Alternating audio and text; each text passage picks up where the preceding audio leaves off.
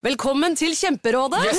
Denne gangen har vi fått inn et kjempedilemma fra en familie. Okay. Jeg leser Hei, vi er litt uenige i familien her. Mm. Hvis du skulle vært et dyr, ville du hatt gjeller eller vinger? Oi, den er tricky. Ja, Hva ville dere hatt, da? Altså, jeg vet ikke, men Med familierabatt får de ubegrenset data fra Telenor fra 399 kroner. Da kan de jo scrolle seg til svaret, rett og slett. Ja, ok, Men for min del Ja. gjelder. Nei, nei, Gjelder. nei, vinger. Nei, nei, gjeller. Ja, okay, ja, Kjempebra. Men eh, se nye mobilabonnement på telenor.no, da.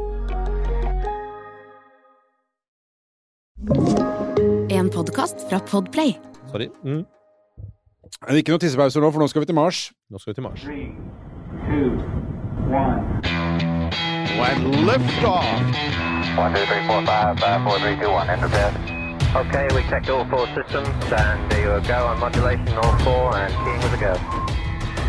Quality base here. The Eagle has landed. Dette er Romkapsel. Eirik er her. Hei, Eirik. Hei, hei. Er du klar for å ikke dra til uh, Leaving Hvor er de skal? hen? Eh, Venus er det. Nå, vi skal ikke til Venus. eh, vi skal Og du var så nær nå. Ja, jeg var nesten, men uh, Du var så nær å gjøre ca. tre Jeg lyttere veldig tenker at Ja.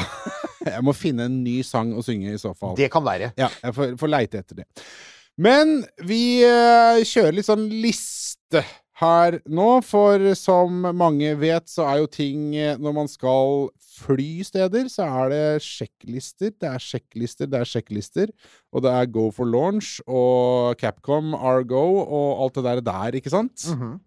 Og eh, Nima Shahinian, vår gode venn, er her også i dag. Hei, Nima. Hei, hei. Tilbake. Det det er, det er, nå, vi koser oss. Jeg Vi gjør jo det. Ja. Altså, jeg, jeg håper dere nøt den derre forrige hardcore-nerdinga vår over varmeskjold og månestøv og heisekraner og Komatsu-greier. Men det, det, det Advarsel. Det blir mer av det i dag, for at nå blir det Mars. Ja. Ja, og uh, som det ble sagt eh, for den årvåkne lytter, og nå skal vi jo ikke gjøre sånne ting som har jeg lært, da, at man skal ikke referere til tidligere sagte ting, men jeg kommer til å gjøre det allikevel. Eh, på tampen av forrige episode så sa vi det at eh, det, er så, det er mye lettere å dra til Mars, for da har vi gjort mesteparten av det vanskelige på vei til månen. Mm. Men allikevel så er det et par småting som skal på stell Ja. før eh, Starship, da, som er eh, the only game in town, på vei til Mars, eh, før den i det hele tatt eh, er i nærheten av å, å komme seg av gårde dit. Et par ting. Det er et par ting. Det er jo det, Nima. Altså, Det er en ting er, jeg kan si Den viktigste forskjellen, på en måte, det er jo at uh, månegreiene, der er det hånd i hånd med NASA. Ja. Så det kommer til å være mye NASA og SpaceX sammen, og det syns jo egentlig bare Elon er fint, for han får jo tårer i øynene når han snakker om NASA. Absolutt.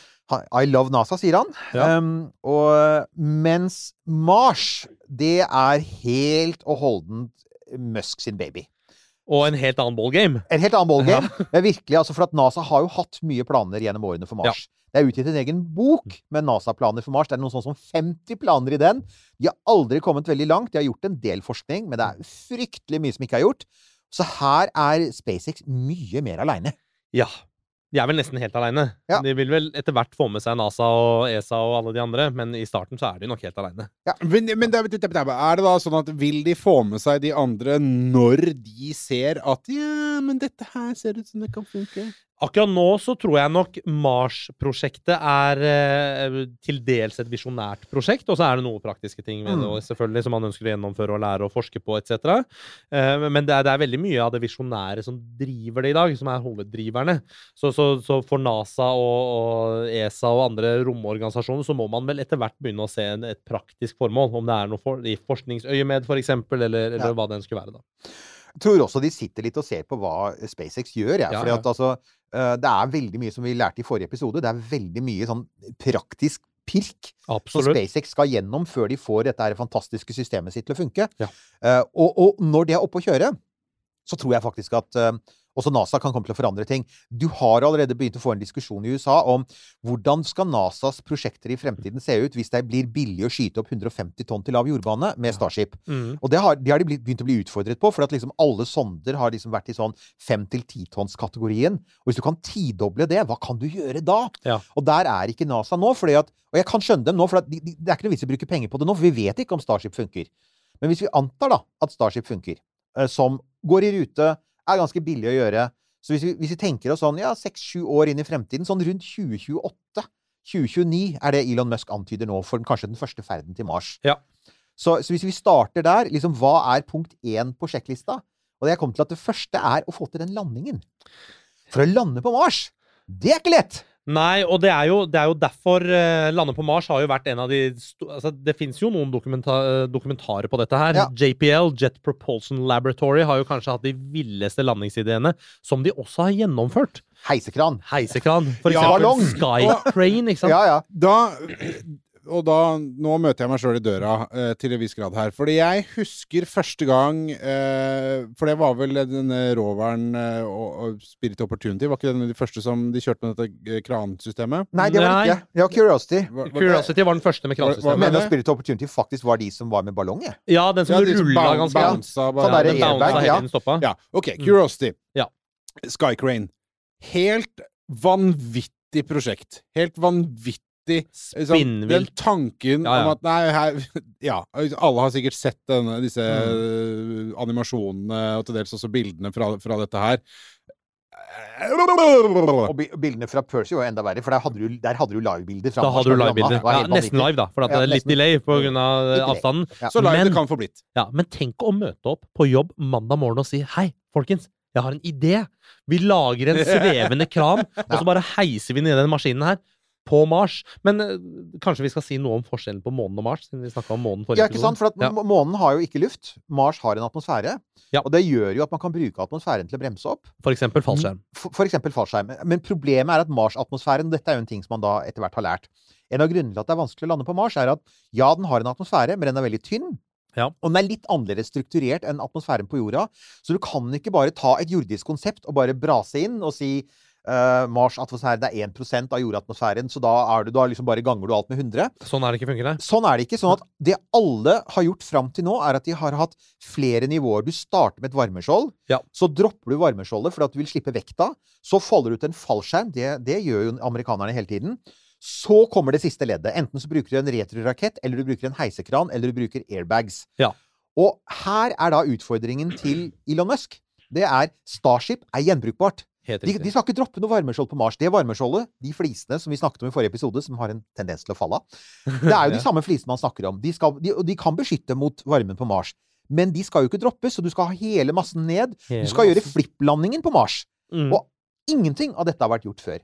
Så man, det er jo JPL-forskere som sier den derre ideen om at du Altså, hvordan du skal få til bå... Altså, uten å bruke fallskjerm, uten å bruke avtagbart varmeskjold De skal gjøre det noen ganger, altså. Den tror jeg ikke de får til på første Nei, forsøk. og JPL-forskerne er jo ikke akkurat de mest pessimistiske. De er kanskje Nei, nei. de mest optimistiske Ja, menneskene folk- noen folkens, gang. folkens, det er de som ga oss den krana. Ja, helt riktig. Det ja, altså, dette Ja, ja. er, hvis ikke det er en sånn totalt crazy Petter Smart-idé, så veit jeg ikke. Og på en måte så virker det sånn altså, så, det- Man har jo da kjørt simuleringer, ikke sant? Eh, Jeg kjenner en av de, de store store JPL-forskerne, faktisk. Ja. Firoz Naderi, som er 30 år legende i JPL. Men JPL-forskerne er som sagt de mest optimistiske som er i verden. Det er Ja. ingen som, kan, som, som kommer opp med sprøre ideer og faktisk gjennomfører det. Ikke sant? Så poenget er, det går nok, men vi må nok se noen rudder på Mars sin overflate Ja. før vi ser en vellykket landing. Rett og slett, for det har aldri vært gjort før. Absolutt. Og det er, den dag i dag så er det folk som stiller spørsmålstegn med om dette er praktisk gjennomførbart. Det, det vet vi først når man har kjørt det noen ganger. Så det, og derfor så trenger man ubemanna landinger. Så den der, Den, mennesker aller rud- den første rudden på Mars, den er kjip. den er Ja, kjip. men det når kommer til å bli ganske fet for oss å se på. Ja, jo, men det du må være veldig det med å ha ja. Kjørt eh, romskipet ditt et halvt år for bare å krasje Ja. når du kommer fra det er, noe det er noe med forsinkelsen i systemet. Så må du vente i to år før du skyter opp noe igjen. ikke sant? Så, Ja, ja. Og det andre er selvfølgelig at når de lander det, de, de, Den første ubemanna landingen Du må ha et landingssystem, et automatisk landingssystem av den typen som du hadde på Perseverance, som var veldig bra. Men det må være enda bedre, for at igjen, som på månen, det er høyt, det er tynt, det er mye mindre å gå på i forhold til skråplan. Du, hvis du lander på en stein der, så tipper hele greia, ikke sant? Ja. Så du må ha et, et Altså, dette er noe som for så vidt SpaceX er gode på, men igjen, det skal være bra, altså. Absolutt. Og, og det må være helautomatisk. Det du har på jorda, er jo sånn at du i praksis Altså, det lander jo automatisk på, på den der lekteren ute i sjøen. Ja. Men du kan jo gripe inn fra jorda. Du kan gripe inn fra jorda, og, når du sier dette med å gripe inn fra jorda, da, så eh, jeg snakka med en SpaceX-ingeniør for ikke så lenge siden. Helt sånn løst og ledig, så det var ikke noen hemmeligheter som ble røpet i det hele tatt. Eh, Men han fortalte meg at en av de konseptene de snakker om nå i SpaceX, fordi at de vet de kommer til å ha rudder på mm. Mars, altså at ting kommer til å gå gærent under landing, Mhm. de vet ikke helt hvordan ting funker, så vurderes det faktisk å sende to, kanskje til og med tre Starships ubemanna eh, samtidig pga. den delayen du har på et par år til neste gang du kan sende. Ja. Og så har du et par som går i bane, men som har muligheter til å justere og, og kalibrere eh, ved neste altså, de, de Det, var, det, det hadde den tanken, nemlig. Helt riktig, ikke satt sant? med den tanken at det, hvorfor ikke gjøre det? For å, som Det- da, Ja, for da slipper du den to år ventetiden Ja, til ja, neste gang du kan Ja. gjøre det. da. Ja. Det er, et innmari, det er et innmari godt poeng, og det høres ut som kanskje det er måten å gjøre det på. Men det koster mye penger. Men det koster fryktelig mye penger, Ja. og det koster massevis av påfyllingsferder. Så det er jo ikke egentlig tre raketter som skal til Mars. Nei, nei, nei. Det er 30-40 raketter opp i lav jordbane, og så skal tre av dem til Mars. Ja. Det er jo da den greia. Så, så, og så er det da dette selvfølgelig at når du lander, så har du det samme problemet som på månen, og det er at rakettflammen graver ut Ja. et krater. Du får blowback opp mot motorene. Hvordan Absolutt. unngår du det? At stein treffer motorene. Uh, og vi så jo da kineserne landet sin rover Shurong. De, de landet ikke med heisekran.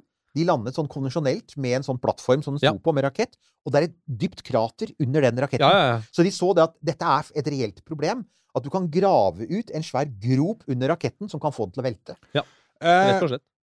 kjapt eh, spørsmål her. Hvorfor er det sånn at he eller, eller må hele Starship lande på Mars? Ja, det er tanken. Det er det som er tanken nå, ja. Ja ja, men Altså, altså, jeg tanken, er tenker at du, tanken er at du ikke skal kaste noen deler. Nei, nei, nei, jeg sier ikke at du skal kaste det. Men altså eh, hvor, hvor, 1200-1100 kubikk i lasterommet Ja. på, på, på et ja. Hvorfor har man ikke en lander i en den? lander inni, altså, eller sånn, ja. et eller annet Ja, er greier. som du kan, så, kan du, så kan jo rakettbetaen bare uh, gå i Gå i bane, bane. så kan man Eh, dokke tilbake Litt sånn med det. som eh, Ja, ikke sant? Dette er faktisk Elon Musk blitt utfordret på. Eh, det finnes jo en forening som heter The Mars Society, med han Robert Subrin. Uh, og de er jo litt sånn småsprø. Jeg er fremdeles medlemmer av dem, men de er litt, sånn, de er litt småsprø. Men Subrin har noen gode poenger, og et av dem var akkurat det. Han sa jeg skjønner at du vil masseprodusere Starship, og at du skal gjøre det så billig at du kan like gjerne kan sende hele raketten. Men for å få mennesker ned på Mars, så kan det være en idé å bruke det svære lasterommet. Eller bare lage en spesialversjon av Starship, hvor du erstatter den nesekonen, og, og så setter du på toppen en lander. En diger lander. Ja, Sånn at det deler han bare lander? Ja, og, og da har du en lander på 150 tonn. Det er en kjempelander, mye større enn noe NASA kan sette ned. Som er spesialkonstruert for landing på Mars. Og da har du langt færre problemer av den typen vi snakker om nå. Det har ikke jeg tenkt på engang. Uh, og om, Mm. der kan jeg si at Den samtalen hadde han og Musk for noen år siden. Det er det siste jeg har hørt om det, og, og jeg, jeg, jeg ser ikke at Musk har snakket noe mer om det siden. Uh, han, var, han, var liksom, han var ikke særlig Han var ikke overbevist. Han mente fremdeles at den beste løsningen er billige, standardiserte masseproduksjon, som han Ja. sier mass production, mass production cures many ills, sier han. Ikke sant? Det kan Mm. være sant, men Mars Mars er langt, altså. Og det er utfordrende. Men, eh, og det, det er ganske mange ting som er utfordrende med Mars. Hvor lang tid eh, vil altså, Spesielt når man begynner å snakke om bemanna ferder etter hvert. Ja. Men, men, men det tar jo tid å fly til Mars. Det tar godt over et halvt år å fly til Mars. Åtte-ni måneder tar det å fly til Mars, gjør det ikke? Ja, og så har det jo, er det jo en ting til, da, hvor de altså, Du kan jo si at um, ferdsprofilen til SpaceX er jo veldig spesiell, på samme måte som Starship er spesiell. Fordi Mm. tanken er jo uh, Når NASA har tenkt Mars-landere, så har de tenkt at alt brennstoffet fraktes til jorda, til Mars, og så har du det brennstoffet du trenger for å komme tilbake til jorda Ja. igjen, med på ferden. Og det vil si at mindre og mindre av romskip, romskipet blir igjen. Ikke sant? Her skal hele Den opprinnelige planen, sånn som du ser det i konsepttegningene til SpaceX, er at hele den digre greia skal tilbake til jorda. Og for å få til det, så må du lage brennstoff på Mars. Ja. Ikke sant? Det er en big deal.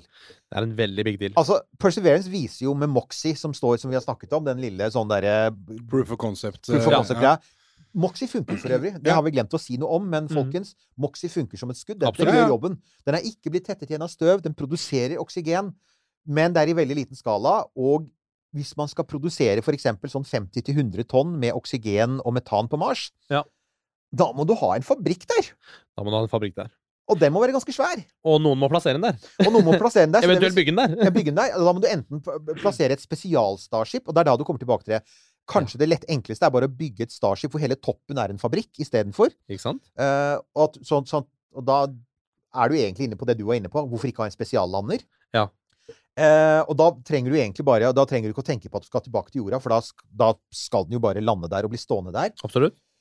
Eh, og da er det jo egentlig Altså, her finnes det to måter å gjøre det på. Som, som det, og igjen så er det The Mars Society som har pekt på problemet. Eh, Elon sier at han vil gjerne produsere alt brennstoffet av lokale ressurser. ISRU.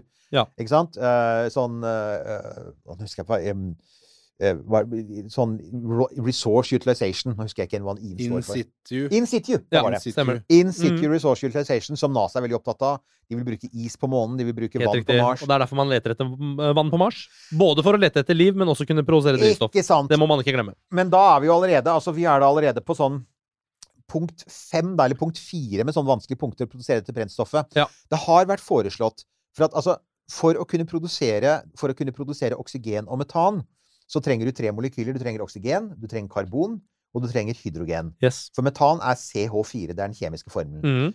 Hydrogenet, altså, altså karbon og oksygenet, det kan vi faktisk få fra atmosfæren på Mars. Ikke sant? Ja. Og det er det Moxie gjør nå. Den graver ikke noe, den bare suger inn bare CO2. suger til seg. Mhm. Suger til seg CO2, det er ganske lett å gjøre.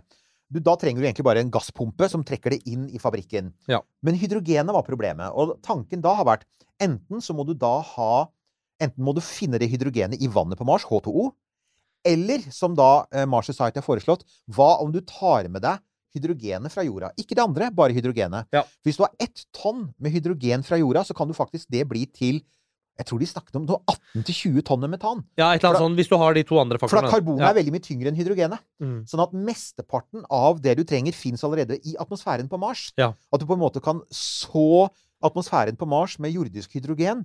Og da slipper du i første omgang å bygge den fabrikken som skal grave opp Nemlig. At du, du kun vann. supplerer. Det er litt som å ta med seg frystørka vann. Så, så Nei, det, mat det. ikke sant? så det er faktisk en mulighet. Ja. Det er jo en ganske interessant tanke. altså at du, du tar med det. Men det er klart hvis du skal ta med deg hydrogen, så må du ha en tank. Du må fortsatt ha en svær tank.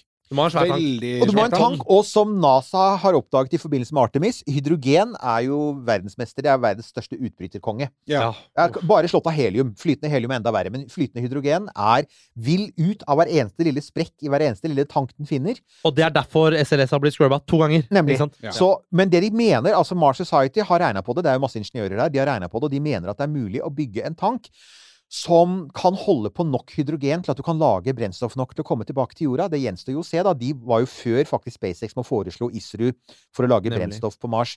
Um, men eh, alternativet er jo da Det vil i så fall være liksom punkt fire, er å da liksom ta med seg hydrogen. Alternativt punkt fem er jo å bygge den der fabrikken med å bruke is på Mars Ja. til å produsere vann, som så skal spaltes til hydrogen og oksygen, og så kan du da produsere oksygen og metan. Men det, altså, da må, altså på, da må du altså faktisk ha Først må du ha en fabrikk som skal varme opp i, altså varme opp Mars jord for å hente ut vanndampen. Men for å få den jorda inn i fabrikken, så trenger du en flåte av roboter. Da trenger du flåte av roboter.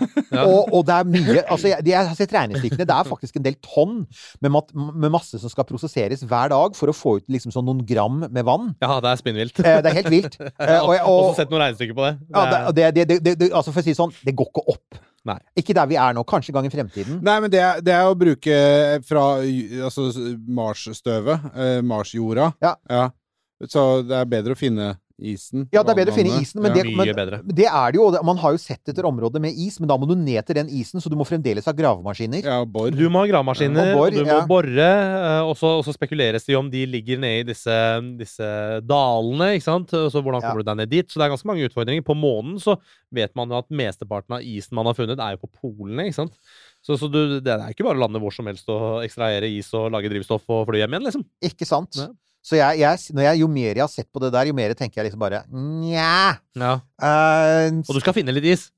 Du skal finne ganske mye is, Ja. og det kommer til å begrense hvor du lander hen.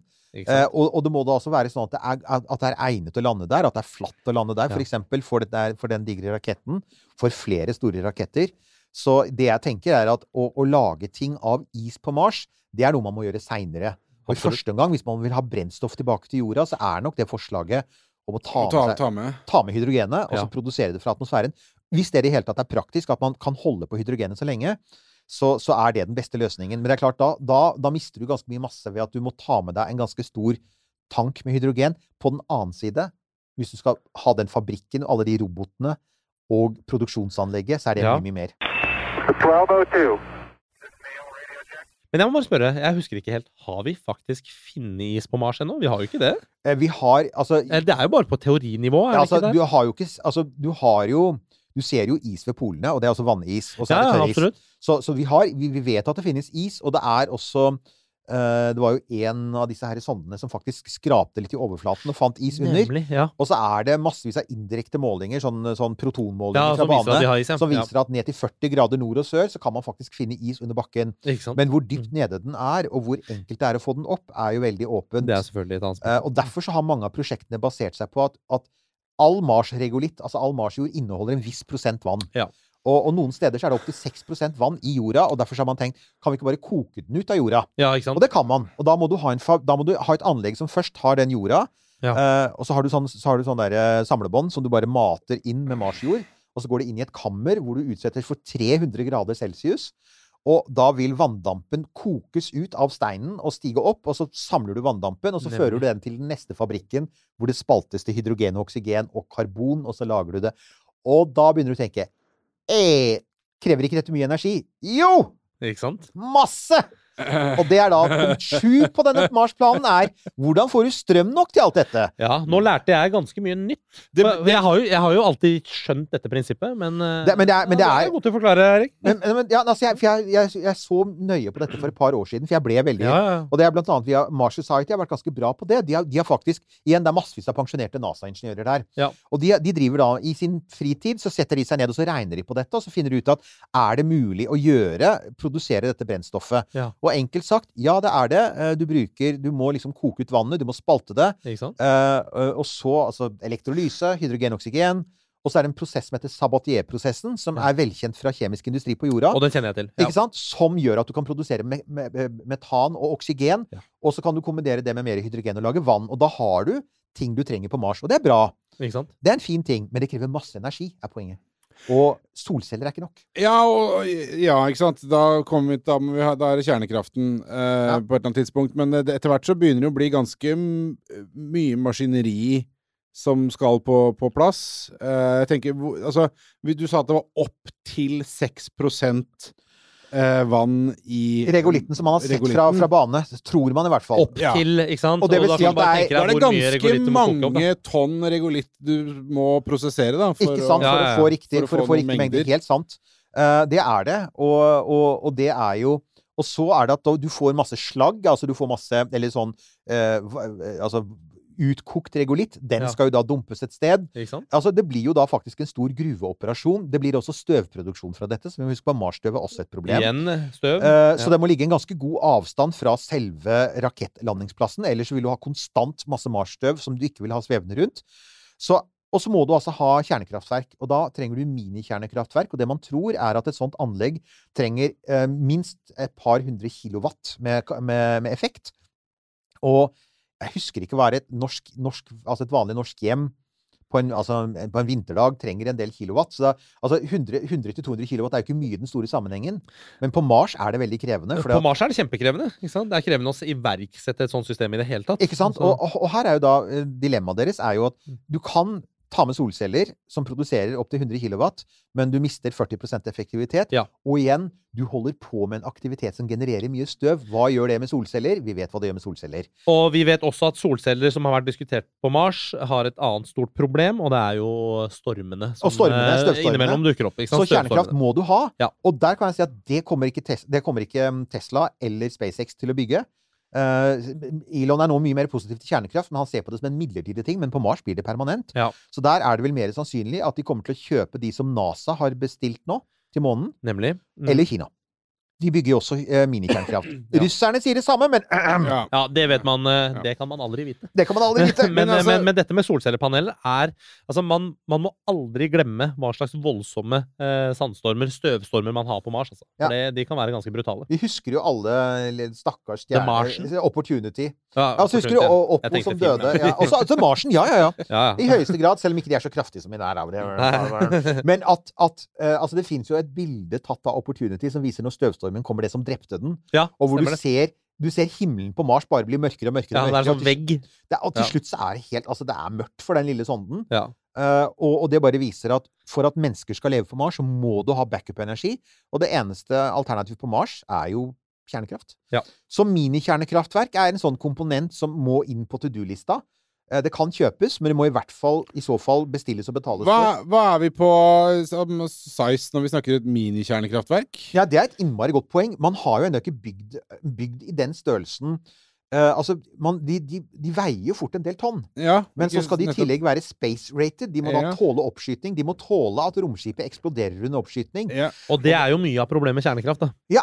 Du vil ikke ha en atombombe som eksploderer eh, eh, noen kilometer over Cape Canaveral. Ja, du vil liksom ikke ha en? Starship som er en miniatombombe i seg selv, så inkluderer uran. Ja, så, så, så det er jo klart, det er jo et kjempeproblem å transportere dette her. Det her har jo vært diskutert i bilbransjen ganske lenge. Hvorfor har man ikke kjernekraft istedenfor batterier, f.eks.?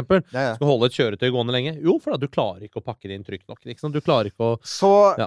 de ender opp, det ender nok opp med jeg, jeg kan ikke skjønne noe annet igjen enn at for å få en nok effekt til å lage det brennstoffet du trenger, så må du ha et eget Starship som frakter ja. ganske mye masse. Som kanskje du har et energistarship, altså den frakter solcellepaneler og kjernekraftverk, og ikke har noen annen jobb enn det. Men det er jo derfor også SpaceX snakker om flåter.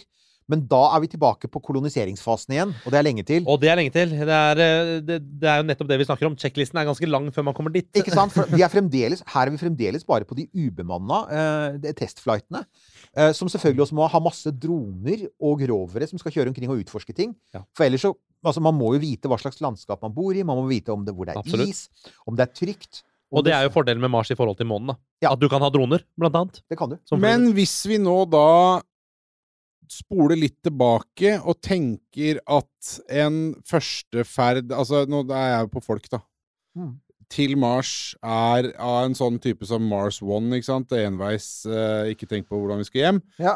Da slipper du å produsere disse enorme mengdene med drivstoff, men du må jo fortsatt ha, Du må ha kraft ha en, til å en viss sånn fighting chance to survive in the Du må ha det samme event produksjonsanlegget, men da vil det være rettet til mot å produsere oksygen og vann Ja. og hydrogen. Altså, du vil jo måtte produsere mange av de samme tingene. Ja, ja, ja. Eh, og en av de tingene som ble påpekt på, eh, på den uh, på en, Det var vel en av de siste uh, Mars Society-konferansene, så hadde de en kjemiker som sa noe veldig interessant. Han sa Vi skal jo ikke glemme Altså, Mars mangler jo hydrokarboner, altså de mangler petroleumsprodukter, kull, olje, gass.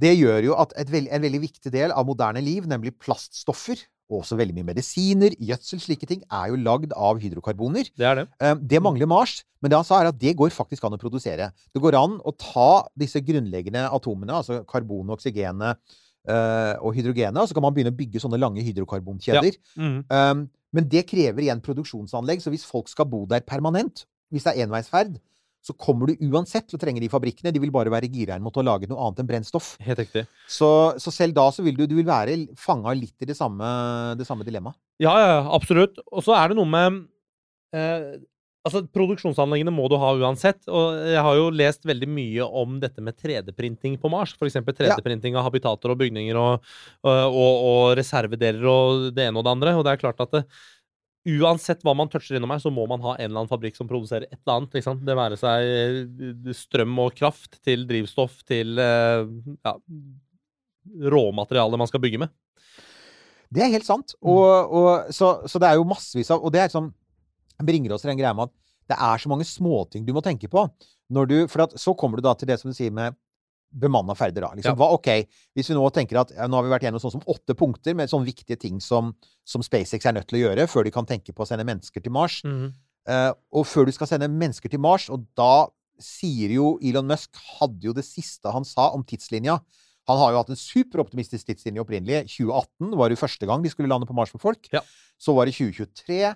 Nå sier han oss, Det siste han sa, var jeg, jeg, jeg tror at det blir i løpet av deres levetid, sa han til sine, eh, til sine ja, følgere. ja. Vel, altså Noen av de følgerne er ti år gamle, så jeg bare tenkte OK, han snakker, han snakker før 2100. Ja, ja, you never know. Men la oss si 2040-tallet, eller 2030-tallet. Så la oss si eksempel at de lykkes med de første, sånn rundt 2028-2030.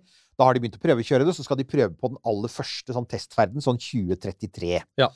Um, og da, altså for at du skal gjøre det, så må du ha igjen Det blir, det blir SpaceX som skal gjøre det, sånn som det ser ut nå. Mm. Det blir privat. Ja. Dette er ikke NASA. NASA har foreløpig ikke vist noen interesse for Mars-prosjektet. Og da er spørsmålet da må jo disse astronaut... Altså treningsfasilitetene da, som blir brukt i månen, må jo da rettes inn på Mars isteden, ikke sant? Og det er en litt annen skål. Det er, en, det er en veldig annen type treningsform, eh, men det er også en helt annen type seleksjon. Ja. For at den type astronauter du skal selektere for å kunne reise så langt Vi må huske at på romstasjonen nå så har vi astronauter som jobber i seks måneder. Innimellom så hender det at de blir der et år, men det er ikke så veldig ofte det skjer.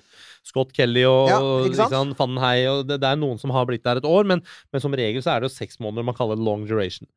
Et, et Mars-oppdrag tar minimum tre år. Det gjør det. Ikke sant? Ikke sant? Så man skal reise dit i tre år og tilbake. Altså, dette er lange, lange ferder da, som krever en helt egen syke, men også helt annen infrastruktur for å håndtere det. Noe av det man kanskje har snakka om også på de ferdene, er jo hva skjer når folk blir skada på de turene? Ja. Hvordan skal man behandle de? Sykehussystemer? Ikke sant? Øh, Altså, det er så mye som skal på plass. Det er et godt poeng. Det, det er jo et eget punkt i seg selv, det. er Men faktisk, de, må, de må ha et komplett minisykehus som kan håndtere Alle Alle- typer. så å si alle typer alvorlige helsekriser, fra infeksjoner til kreft, til, Til blodpropp, til hjerte, ja, ja. brukne bein. Altså, Musk driver jo og snakker om at folk kommer til å dø på Mars. Det har han sikkert rett i, men det betyr også at mange fler, for hver som dør, så er det jo mange som blir skadd. Ja, ja. Ikke sant? Og hvordan håndterer du det? Jo, nei, ja, det er jo en Altså, det er tenker jeg rent sånn praktiske spørsmål, men jeg syns det er ganske interessant dette her med huet, det mentale Ja, ja. med det der, der.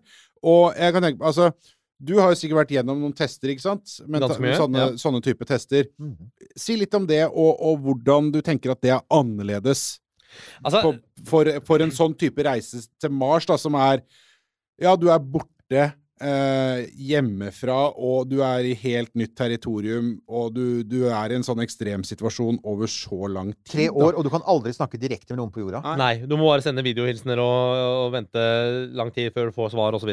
Men de testene jeg har vært gjennom, har jo handla veldig mye om altså, For det første min livserfaring. Det at jeg har vært i Forsvaret og vært i Afghanistan i lengre perioder. og ikke sant? Seks måneder av gangen uten hjemkomst og disse tingene her har jo vært også tester for meg, og trening. Ja, ja. Men hvis du ser på, hvis du ser på astronautseleksjon fra starten av, så var jo Apollo-astronautene De ble aldri testa for å, å holde ut i en romkapsel over lengre tid. Ikke sant? For de skulle jo bare Det på var bare noen dager. supermodige en uke lange oppdrag totalt. Ikke sant? Ja. Og hvis du ser på mm, denne Hva heter den Apple-serien? Um, For All Mankind. Mankind. Ja. Så adresserer du nettopp den. Ja, ja. For det er jo en alternativ sannhet til Apollo-ferden, egentlig. Mm. Og da blir jo astronautene De blir jo ko-ko. de, de blir koko. For Ja. den generasjonen astronauter var jo ikke trent i det. Så, så, så man har jo utvikla astronauttrening eh, i takt med utviklingen av hvordan man opererer i rommet. Så den type astronauter som trenes til ISS i dag, trenes jo på en helt annen måte enn Apollo. Og da er spørsmålet hvordan blir neste generasjon trening? Vil vi selektere folk som f.eks. Eh, har eh, kjærester eller barn hjemme? Vil det være riktig å rekruttere, eller vil man utelukkende se etter sånne single, frie sjeler uten eh, noe forpliktelser hjemme? Er det det man ser etter? Ja. Og hvordan vil de fungere? Det, det er ganske interessant. Men altså. tenk deg også da, hvis eh, du på et eller annet Altså en eller annen som er på vei på et eller annet tidspunkt i, i dette eh, treårsperspektivet man har her, minimum Ja. eh, Hvis det rabler for noen, da. I, i, i militær sammenheng, i militær sammenheng f.eks. på ubåter og, og på skip, da, Ja. så ser man jo at eh, hvis det rabler for, noen- for noen, så har man jo Jeg tror ikke det utføres i dag. Man har jo mye mer moderne tankesett, men, men i gamle dager, da, vi snakker liksom under krig, andre verdenskrig og litt etterkrigstiden, så var det jo ikke uvanlig at skipssjefen eller kapteinen skøyt folk. Mm. For det har man på en måte lov til. Hvis, noen, hvis det rabler for noen Du har kanskje ikke lyst til å utløse et våpen i en ubåt, men, men jeg vet at det, disse tingene har skjedd på skip, krigsskip tidligere. For du har ikke råd til at en person skal senke et helt skip. Ikke sant? Men det det, du jo, peker jo på noe som er Altså, potensielt så er det jo en deal-breaker. Og det, og det er jo blant annet fordi at alle de eksemplene du har brukt nå, så kan du si at selv på en ubåt så er det sånn at ok, men du er aldri noe mer enn noen dager fra land. Du kan alltid gå opp til overflaten og la noen puste frisk luft. Og her er det da som å være i en ubåt ikke sant, i tre år. eh, Og ekstrem isolasjon. Så uh, dette blir jo som et sånn stort sosialt eksperiment. Vi veit jo at SpaceX har Altså, fram til nå så har også det, vi, så du, det, det er et intervju med, med Elon der ute hvor han snakker om dette med faren for å dø og sånn. Ja. Og der virker han nesten litt sånn Han, han flirer litt av det. Og, og SpaceX har også vært litt sånn Jo, men alle, alle som vil, kan dra til Mars hvis du kan betale for det. Ja. Jeg tror jo at på en måte når, når liksom sånn when the rubber hits the road, når du faktisk skal til Mars, så tror jo jeg at de kommer til å støtte seg mye mer på sine venner i NASA og være mye nøyere. For at det handler jo også om hvordan dette fremstår. Vi skal, vi skal kolonisere Mars, ikke sant? Vi skal sende mennesker til Mars. Ja, Hvis det første som skjer, er at folk tilter og begynner å drepe hverandre eller seg er selv, over. så er prosjektet over. Ja, ja. Så jeg tror jo du har helt rett. Jeg tror de kommer til å være mye tightere på psykisk trening. Og igjen, det krever altså private fasiliteter, an Absolutt. anlegg, for å gjøre denne treningen. Um, og, og den er psykisk, men så har du Vi kommer ikke forbi det. De skal altså være i vektløshet i opptil åtte til ni måneder. Man sier ofte seks måneder. Det Ja. er best case. Veldig ofte så kan det bli åtte til ni måneder, avhengig av når du drar. Ja. Og da blir det jo ikke som når du kommer tilbake til jorda fra ISS, for at du skal rett i arbeid. Ja. Altså, du, du, kan ikke, du kan ikke ligge på ryggen og være rekonvalesent i, i to uker. Nei, nei. Nei, for det er det man gjør fra ISS i dag. Etter seks måneder. Du skal rett ut og i jobb. Ja. Og den, den der greia der, den må de også da De må altså trenes opp til hvordan du skal ta en svak, svekket kropp. Og du må, du må da planlegge arbeidsoperasjoner. Masse sånne ting. Det høres kjedelig ut, men det er jo faktisk en viktig Nei, det del. må gjøres. Ja. ikke sant? Og så løpet av den tiden hvor man skal jobbe på Mars, så snakker man også ikke like svekket eh, gravitasjon som månen, men altså noe svekket gravitasjon.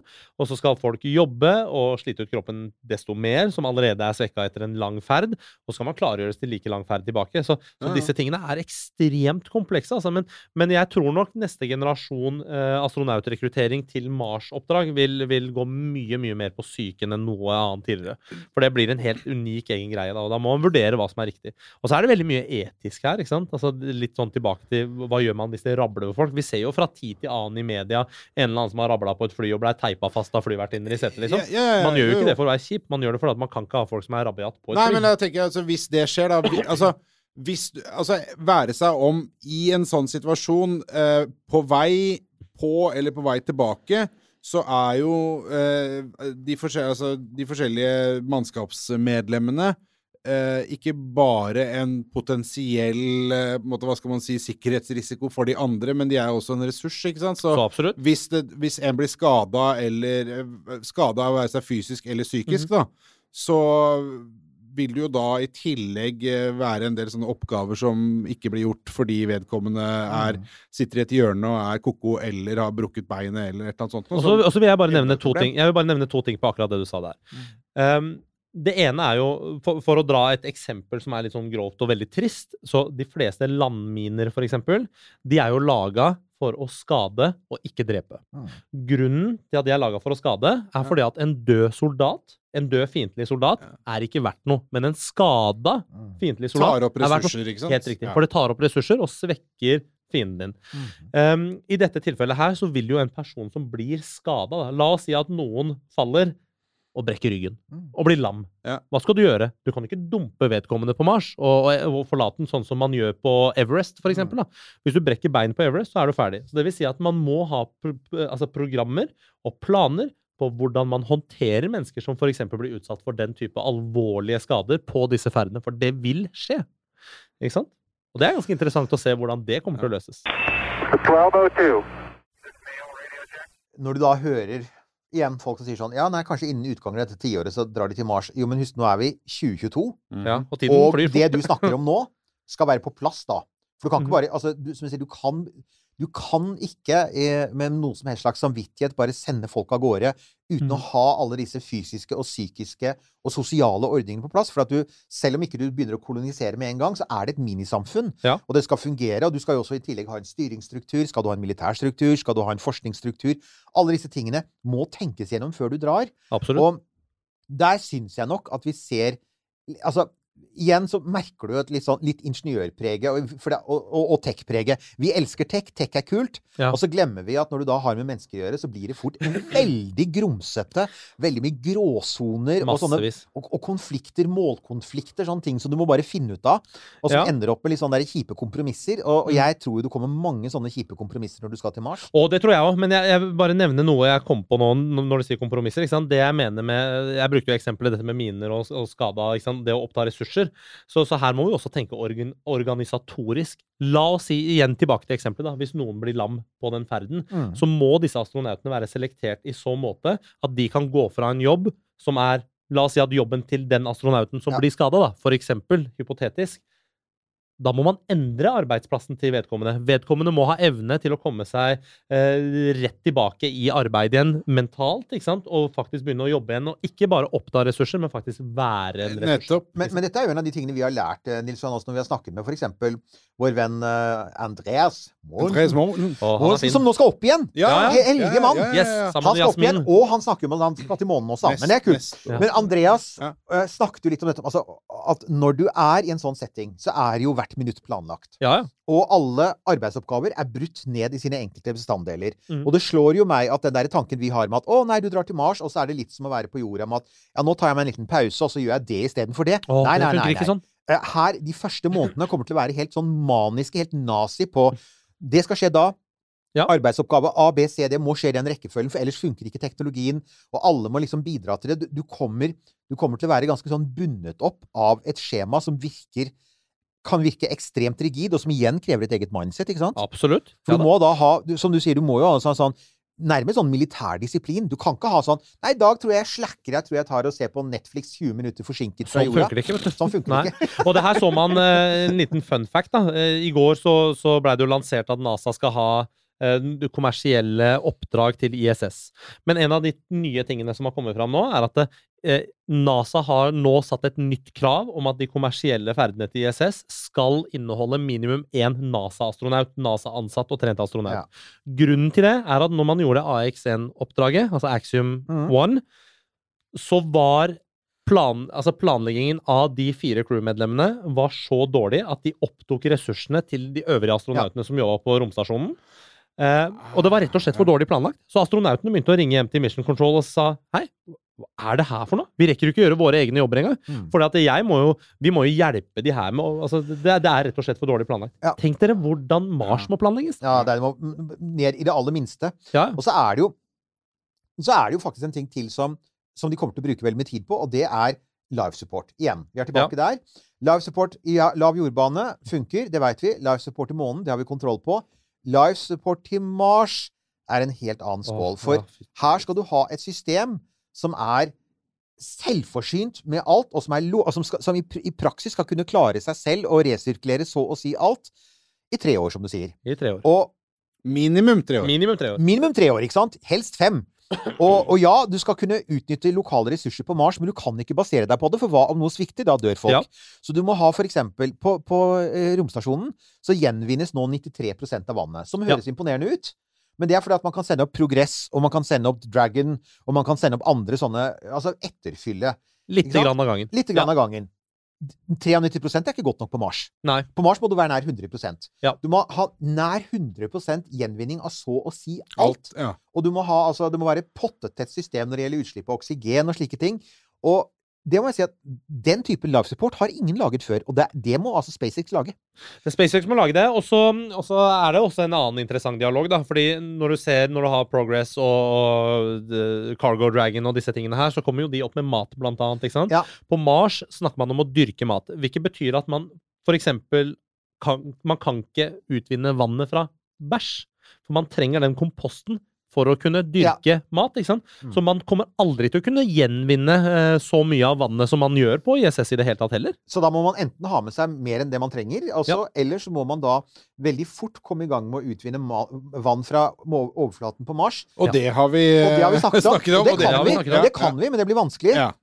Og grunnen til at vi sier det, det er lengden på ferden. Fordi eh, jeg tror jo altså Når NASA planlegger De har jo planlagt Marsferder ned mot 30 dager, og det er for å kunne reise tilbake i den samme syklusen. Ja.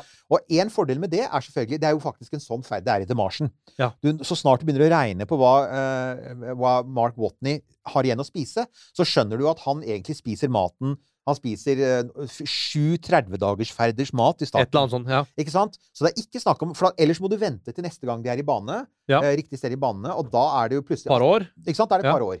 Så du, så du er liksom enten 30 dager eller et par år. Ja. Og når du hører på Musk, så høres det ut som han egentlig vil gå for et par år.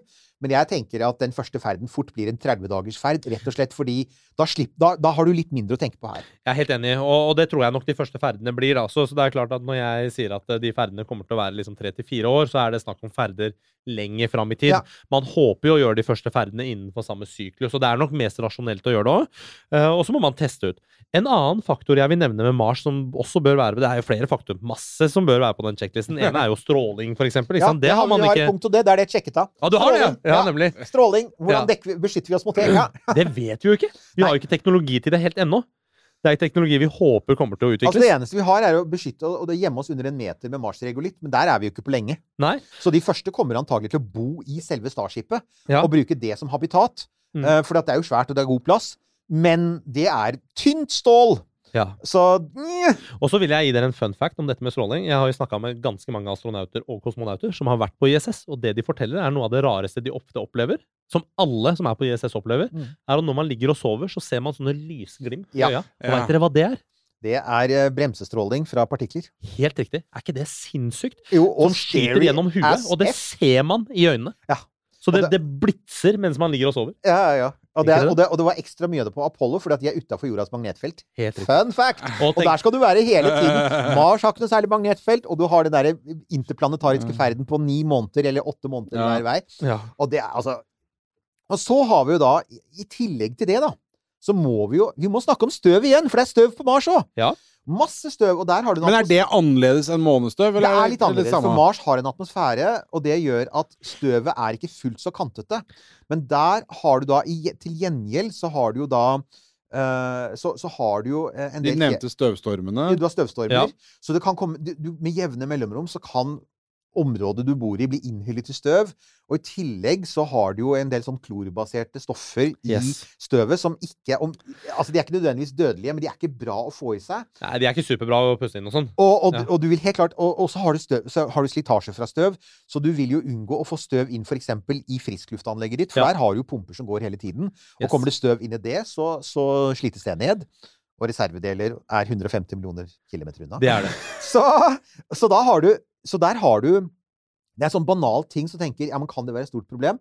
Ja, det er stort nok til at du har sånn derre eh, romdrakter som kan Hvor du e- hvor egentlig alltid sitter på utsiden av ikke sant? Ja, hvor du kobler på, og det, er derfor, det er derfor eh, NASA for eksempel, også til månen, ikke sant? det er derfor NASA driver og ser på OnePiece-systemene som russerne bruker, Orland-drakta. Ja. For det er egentlig en ganske god idé å ha det på den må måten, hvor du kan egentlig se for deg at du kobler ryggen til eh, stasjonen du skal gå inn i, da, eller månebasen eller Marsbasen, eller hva den skal være. Og så åpnes luka på innsiden, mens romdrakta blir stående på utsiden. Ja. Ikke sant? Så, så du liksom krabber inn. Ja, stemmer. så det er en av de Ja. måtene man ser på nå, da. Det er ikke noen dum løsning med tanke på støvet. Uh, og igjen så blir det jo selvfølgelig sånn at, at her, her får du en litt sånn spesialvariant av når de skal til månen, eh, SpaceX, så kommer de til å benytte seg av, av NASA sine romdrakter. Når de skal til Mars, Ja. så kan vi si at deres planer for Mars er såpass mye mer ambisiøse enn NASA sine, så da kommer de til å måtte gjøre noe selv. Ja. Uh, og om de da bruker modifiserte månedrakter, eller om de skal sette i gang noe prosjekt for å bygge sin egen Mars-drakt, gjenstår jo å se, da. Ja, og du, Eh. du, du ser jo ikke sant, i fiksjon, for eksempel, hvis du ser det Marsen, da, så, så har du en helt annen type drakter. Og det er klart, dette er film, og det skal se litt kult ut, og så alt det greiene der, men det bygger på en viss realisme, dette her også, ikke sant? Fordi at det er en viss atmosfære på Mars, eh, så kan man ha drakter som er utført litt annerledes, sies det. Ikke sant? Og så, Litt mer mobile. Og så har vi tilbake til det der spørsmålet som dukket opp i forbindelse med månen. Du har dette, dette, dette høye romskipet, Mm. eh, som har lett for å tippe over. det er sånn 50 meter høyt, 35 meter over bakken.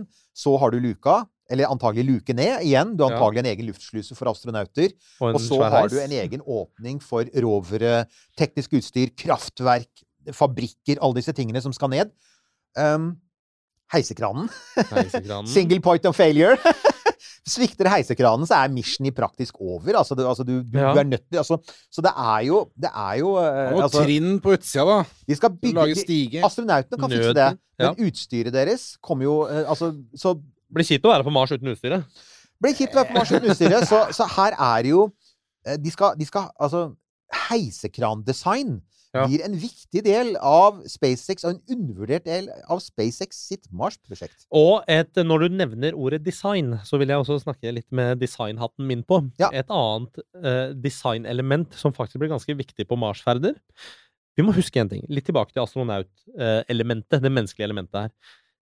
På Marsferder så kommer vi ikke til å se jorden på samme måte som vi har sett når vi var på månen, eksempel. Da kunne man se jorden fra månen. Og det er noe med psykologien av å kunne se hjem. eh, Det å kunne se hjem fra stasjonen, fra romstasjonen. Men fra Mars så vil man ikke kunne se hjem. Hvordan vil det påvirke psyken? Derfor så vil estetisk design ha en stor betydning for hvordan disse basene fungerer. Det å ha noe som minner om hjem, eh, vil ha en stor psykologisk effekt. Og det snakkes faktisk om også. Nei, eh, vet du hva, jeg bare Det var eh, et apropos til design, sånn generelt sett, men hvis du hadde noe som var mer konkret her nå, så skal du få lov til å gå først, Erik. Ja, så, jeg bare tenkte å si at det er faktisk mitt siste punkt på to do-lista. Det er ser på punkt 17 på Mars to do-lista. Det er akkurat det. Å skape en god hverdag på Mars. Helt riktig. For at, for at de, de, de må kunne trives. eh, De må kunne Altså, de skal, altså, de skal lage mat. De skal slappe av. De skal se på TV. De skal høre på musikk. De skal Ikke sant? Um, og det vil si at de skal ha massevis av ting rundt seg. Masse input.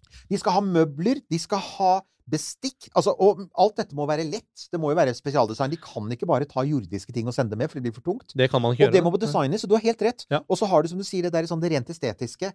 At dette, de er ekstremt isolert, og de er langt unna, så de må ha lysdesign og lyddesign, alle Massevis. tingene. Tenk deg for eksempel å bo hvis du Tenk deg hvis du bor inni et metallrør. Du kan ikke leve i tre år med lyden av et metallrør. Kan du vel, Nils Johan? Du er jo lydmann. Du må jo gjøre noe med ikke sant? Altså, altså, Du må ha lyddesign der som gjør at det er behagelig å snakke sammen. Akustikk, Behagelig ja. akustikk. Ja, noen gardiner, ja. Og de er tunge. De er tunge. Ja. Men, men, men, men det, er, det, er, altså, det er et veldig Ja, godt poeng. Alt fra akustikk til estetikk. Ja. Ikke sant? Det å Lukt, for eksempel. Lukt er kjempeviktig. Hvis Det lukter det kjemisk og vondt der, du orker jo ikke det i tre år. ikke sant? Nei, nei, nei. Og, og på ISS, så, så av det jeg har hørt, dårlig luft, Ja. lukter vondt. Alt er praktisk utforma. Det er ikke Ja. noe hyggelig på ISS. Men vet du hva? Det kan man tåle et halvt år, eller Ja. et år til og med. Ja. Ikke sant? Ja. Ved Og jorda nød. er rett nedenfor. Og jorda er rett nedenfor, Og og, man kan ringe besøkende. hjem på Ja. eh, Teams og Ja. skravle litt. Det Ja. kan man gjøre nesten når som helst. ikke sant? Eh, 45 minutter av gangen, eller whatever. Mm. Mars er en helt annen ballgame. Du blir borte flere år, ikke sant? Men jeg ville ha den der design, eh, designspørsmålet mitt. For at eh, det var en tanke som poppa opp i huet mitt når vi snakka om at vi ikke må få støv inn i ting. Ja. Eh, da kom jeg til å tenke på eh, Apollo 13-filmen. eh, og dette her med disse eh, filterne som Mm. var firkanta det ene stedet og runde det andre Ja. stedet. Sånn at det ikke det, det var ikke interchangeable. Nei. Den interchangeableheten og ombyttbarheten og, om, og muligheten for å bruke biter fra noe i noe annet hvis uh, the shit hits the fan. Ja. Har du noe oversikt over i hvilken grad man tar høyde for sånne ting i design av utstyr i dag? Tenk, er det en tanke man har med Veldig seg? stor grad. Ja, ja, veldig stor grad. Og dette har man lært av uh, i moderne romfart i dag også. Ja. Massevis. Uh, Apollo 13 er jo et veldig veldig godt eksempel. Men hvis du igjen tilbake på romdrakter, da, som vi har snakka mye om, men dere skjønner at jeg alltid går litt tilbake der Ja, ja. Så Du hvis du, får ser aldri nok av det. Nei, er er aldri bare- nok av romdrakter. Men, men hvis du ser på amerikanske EMU-drakta Nå henta de jo hjem nettopp én, og de har jo romdrakter romdrakt manko, ikke sant? det er litt krise.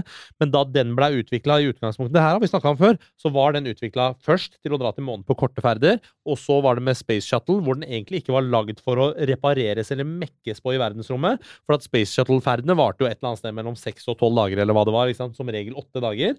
Så, så hvis en romdrakt ble ødelagt, ikke noe problem. Vi reparerer den når den kommer tilbake. Dette ble et problem på ISS. For når disse maskinene, altså romdrakta, blir ødelagt på ISS, så er ikke de designa for å repareres på ISS. Og det skaper jo et problem. Man har klart å reparere de på ISS, men det er praktisk vanskelig. Så den, dette mindsettet med å ha komponenter hvor du ikke trenger å kaste en hel komponent, for eksempel, men bare bytte en liten del av den. 3D-printing av nye komponenter. Komponenter som kan brukes til andre ting. Filtre som er eh, interchangeable. Alle disse tingene her må man tenke på. Man må tenke på at en komponent må kunne ha multipurpose-roller, som det heter. Ja, og der har du et designelement ved Starship som jo kommer til å bli veldig nyttig, som vi har snakket om før, og det er at Starship er stål. Yes. Og stål kan du bearbeide. Ja. Du kan ta med en vinkelsliper, du kan ta med eh, stål, Du kommer til å ta med vinkelslipere og sager og sveisesystemer. For, og for eksempel, hvis det er en bit som mangler, så kan du faktisk kutte altså, fordi mange, reparere, ja. ja, mange av Starshipene vil bli stående på Mars rett og slett fordi at rå, råstoffet i seg selv er verdifullt. ikke Ja. Og da kan du rett og slett kutte opp tankene, for alt sammen er jo altså alt sammen er stål. Og, og det har jo vært snakka om eh, sant, hvorfor man ikke bruker kompositter. F.eks. karbonfiber. Kar karbonfiber er jo sprøtt. Og du ser det på sykkelrammer, f.eks. Ja, ja. Hvis du har en sykkelramme i aluminium, og den faller på en stein, så får den en bulk, og så er den egentlig nesten like fin. da. Ja. Mi- Mister litt, Mm. blir litt svekka i styrke. Men har du en karbonfibersykkel som faller i en stein, så knuser den jo. Ja. For den er sterk i vridning og, og, og disse tingene her, men, men den er jo fortsatt sprø. Og ekstremt vanskelig å gjenbruke. Og det er Ja, altså det, nesten altså, umulig. Så, ja, det, det var jo en av grunnene til at SpaceX ga opp um, karbonfiber, for de, de bygde vel verdens største brennstofftank i karbonfiber. Ja, var jo, det. var jo, et av problemene var delaminering. altså at Med disse her temperaturforskjellene så oppdaget de at disse lagene av karbonfiber gikk sånn, det begynte å løsne opp. Men det andre var jo rett og slett at tanken på hvis du faktisk skal sende de til Mars og månen, og ønsker å gjenbruke materialet, så er karbonfiber helt altså i, i sammenlignet med stål helt ubrukelig. Helt. Og ikke bare det, men det er jo karbon. Og på Mars har du karbon. Du har Ja, masse karbon masse. I, rundt deg overalt. Ja. Så det er ikke problemet. Derimot så mangler du jo faktisk viktig Altså, det er jo, det er jo selvfølgelig masse jern på Mars, blant annet er jo overflaten ja, rød pga. jern, men det er kostbart å få tak i. absolutt. Så derfor så er det en Ja. Derfor så er det vanskelig. Derfor kan så er vi det konkludere med det? for Men vi gleder oss for det. det. Ja, Ja. ja, vi er positivt innstilt, og vi gleder oss til det, men det er vanskelig. Jeg hadde takka ja til enveisbillett i Mars. Du hadde det, ja? Hadde du det? Ja, jeg, uten å nøle. Hadde du det? Ja, jeg hadde det. Men det er en annen diskusjon. Det er en annen Og diskusjon. du, det, du er så mester på det der kom, droppe noen sånne små greier og si Ja, ja, det er en ja, ja, ja. Sånn store avsløringer Ja, ja, ja. om en måned og andre Ja. diskusjoner som egentlig er mye mer spennende enn selve hoveddiskusjonen. Ja. Men du, sånn by the way, altså, du har jo sagt det forrige runde, så snakket du om at vi har da gått gjennom sånn som 17-20 punkter, eller noe sånt noe. Ja. Uh, og dette, under hvert punkt, det kunne vært flere, og under hvert punkt så er det masse underpunkter. Ja. Og selvfølgelig, dette er bare å lande det første mennesket på Mars. Så kommer kolonisering. Oh, Og det, ja, er, eh, en, eh, en to do-liste vi skal spare dere for i denne omgang. Den kan vi kanskje ta om et halvår eller noe sånt nå. Mm. Men koloniserings-to do-liste er gigantisk, som blant annet på matproduksjon og terraforming og alle disse tingene her. Det er en helt annen skål. men- Ja. Men det, det du kan konkludere med, er jo at det er igjen Det er ikke noe, det er ikke noe teknisk i veien for å dra til Mars. Nei, Det er, det er det bare, ikke. det er bare ekstremt Ikke sant? Det er, det, er ikke noe, det er ikke noe sånn Vi trenger ikke en eller annen sånn der revolusjonerende ny teknologi som vi ennå ikke fins. Nei, alt fins. Det er bare å få alle disse bitene til å sitte sammen og Ja. ja. Bare få dem dit. Ja, også den derre Mm. selve skrekktanken. Du har reist til Mars, du har landet på Mars, og så mangler du Du mangler den ene tingen Du som du har glemt igjen. Du glemte å pakke. Ja, ja, ja. Den ene mutteren, eller den derre boksåpneren, ikke sant. Ja. Og så sitter du der. ja. Det er de mest banale tingene som styrter disse oppdragene. Og tenk å lage den lista. Apropos to do-liste. Det er det jeg sier. Disse listene, som du sier, disse listene fins allerede. Ja. Du har interne lister i, i Nå har vi liksom forsøkt å tenke oss litt sånn høyt rundt de interne listene som garantert finnes i SpaceX. Og jeg kan love at når du nærmer seg en Mars-ferd, de listene der, over hva du skal ha med, og hva du ikke må glemme, og alle disse tingene her, det er noe, De blir ekstremt fascinerende. er noe annet enn å pakke til en motorsykkeltur til USA. Nils Johan. Det skal jeg love deg. Og det er ikke for å dikke, dikke disse motorsykkelturer til USA. Det er bare for å si at uh, Mars er Space is hard, and Mars is even harder. Yes. Mm. Og med de visdomsordene der fra Eirik Newt, så runder vi av denne episoden av Romkapsel med å si at uh, det er De er vanskelig å reise til. Mars. De vanlige stedene. Romkapsel.no for eh, merchandises, T-skjorter og kopper. Eh, Facebook, gå inn og kom med gode forslag til løsning på de vanskelige problemene for reisen til Mars, altså. Ja, Eh, gjør det. Nima, strålende igjen. Tusen takk. tusen takk. Takk for at dere vil ha meg her. Og så gleder vi oss da til du kommer tilbake og avslører den store tingen. Ja, jeg gleder meg til å komme tilbake. Og- Ja, ja, ja. Det blir gøy.